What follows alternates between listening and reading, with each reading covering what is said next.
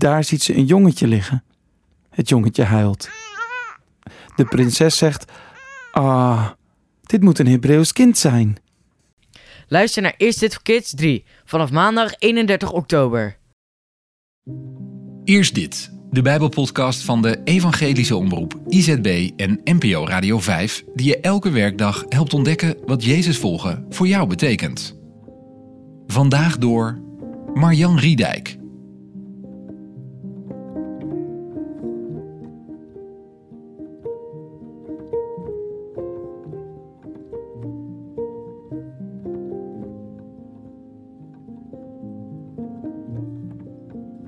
We lezen vandaag Lucas 19, vers 41 tot en met 48. Toen hij Jeruzalem voor zich zag liggen, begon hij te huilen om de stad. Hij zei: Had ook jij op deze dag maar geweten wat vrede kan brengen. Maar dat blijft voor je verborgen, ook nu. Want er zal een tijd komen dat je vijanden belegeringswerken tegen je oprichten, je omsingelen en je van alle kanten insluiten.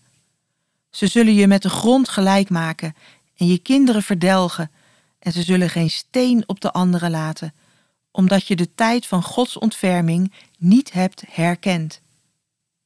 Hij ging naar de tempel, waar hij de handelaars begon weg te jagen, met de woorden: Er staat geschreven: Mijn huis moet een huis van gebed zijn, maar jullie hebben er een rovershol van gemaakt. Dagelijks gaf hij onderricht in de tempel. De hoge priesters, de schriftgeleerden en de leiders van het volk wilden hem uit de weg ruimen. Maar ze wisten niet hoe ze dat moesten doen, want het hele volk hing aan zijn lippen.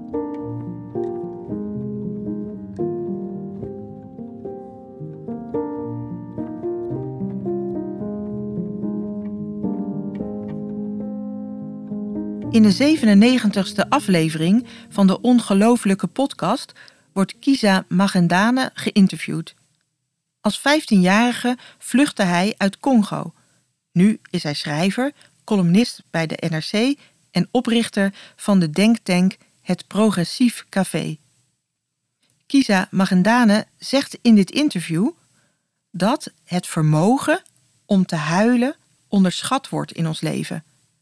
Gunnen we onszelf nog wel dat we worden ondergedompeld in een verhaal? Laten we ons nog wel raken? Ons eerste instinct lijkt wel te zijn dat we huilen willen vermijden. Huilen van ontroering staan we onszelf nog wel toe, maar de vraag is of we ook nog het diepe huilen van de pijn voelen en tonen. Het gevaar is dat we veel te veel opgaan in de oppervlakkigheid van het dagelijks bestaan en dat we de pijn en het lijden van onze samenleving niet meer delen.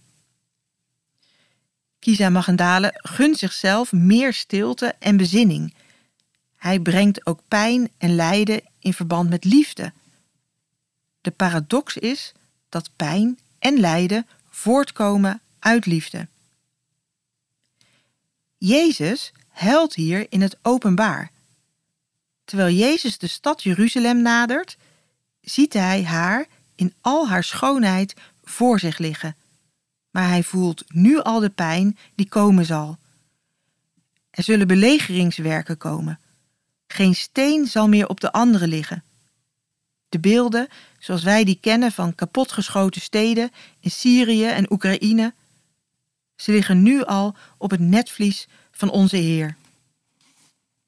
Hij hoort de kinderen huilen. Hij ziet de vergeefse pogingen van vluchtende moeders en hij huilt. De diepe pijn en het lijden komt ook bij hem voort uit diepe liefde. Wij weten dat Jezus voortdurend de stilte heeft opgezocht. De stilte om in gesprek te blijven met zijn vader, om zich te bezinnen, om te huilen ook. Huilen en bidden horen bij elkaar. Jezus is onderweg naar de tempel om te bidden, een plek van rust, waar hij dicht bij zijn vader kan zijn. De tempel is de plek waar de hemel de aarde even raakt. Maar in plaats van serene rust komt de cacophonie van geluiden hem al tegemoet. Het geschreeuw van reclames, commercie en handelaren hebben de stilte overgenomen. Jezus gebruikt krasse woorden. Ze hebben het huis van zijn vader gemaakt tot een rovershol. En de liefde en de pijn maken hem furieus bij het zien van dit oppervlakkige, alledaagse gebeuren. En hij schopt en slaat de tafels van de handelaren eruit. Wanneer de rust is weergekeerd, gaat hij zitten. Om hem heen vult de ruimte zich opnieuw met luisteraars. En de stilte wordt onderbroken door de stem van de Heer, die vertelt waar het werkelijk om draait in ons leven.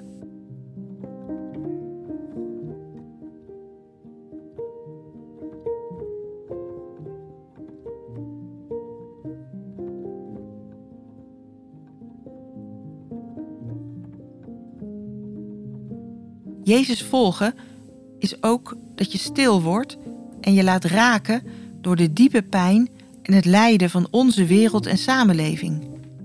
Neem vandaag deze tijd, laat de pijn en het lijden toe en breng ze bij Jezus.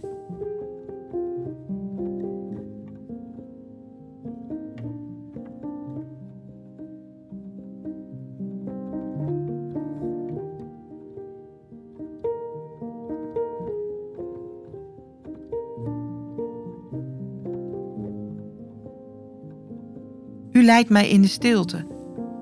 Ik volg u met ontzag. Een plaats van rust, waar ik u ontmoeten mag. U ziet mijn hart en leven, de onrust die verwart, mijn onbesproken vragen die er leven in mijn hart. U kent al mijn gedachten, verbergen kan niet meer. In vertrouwen leg ik alles voor u neer.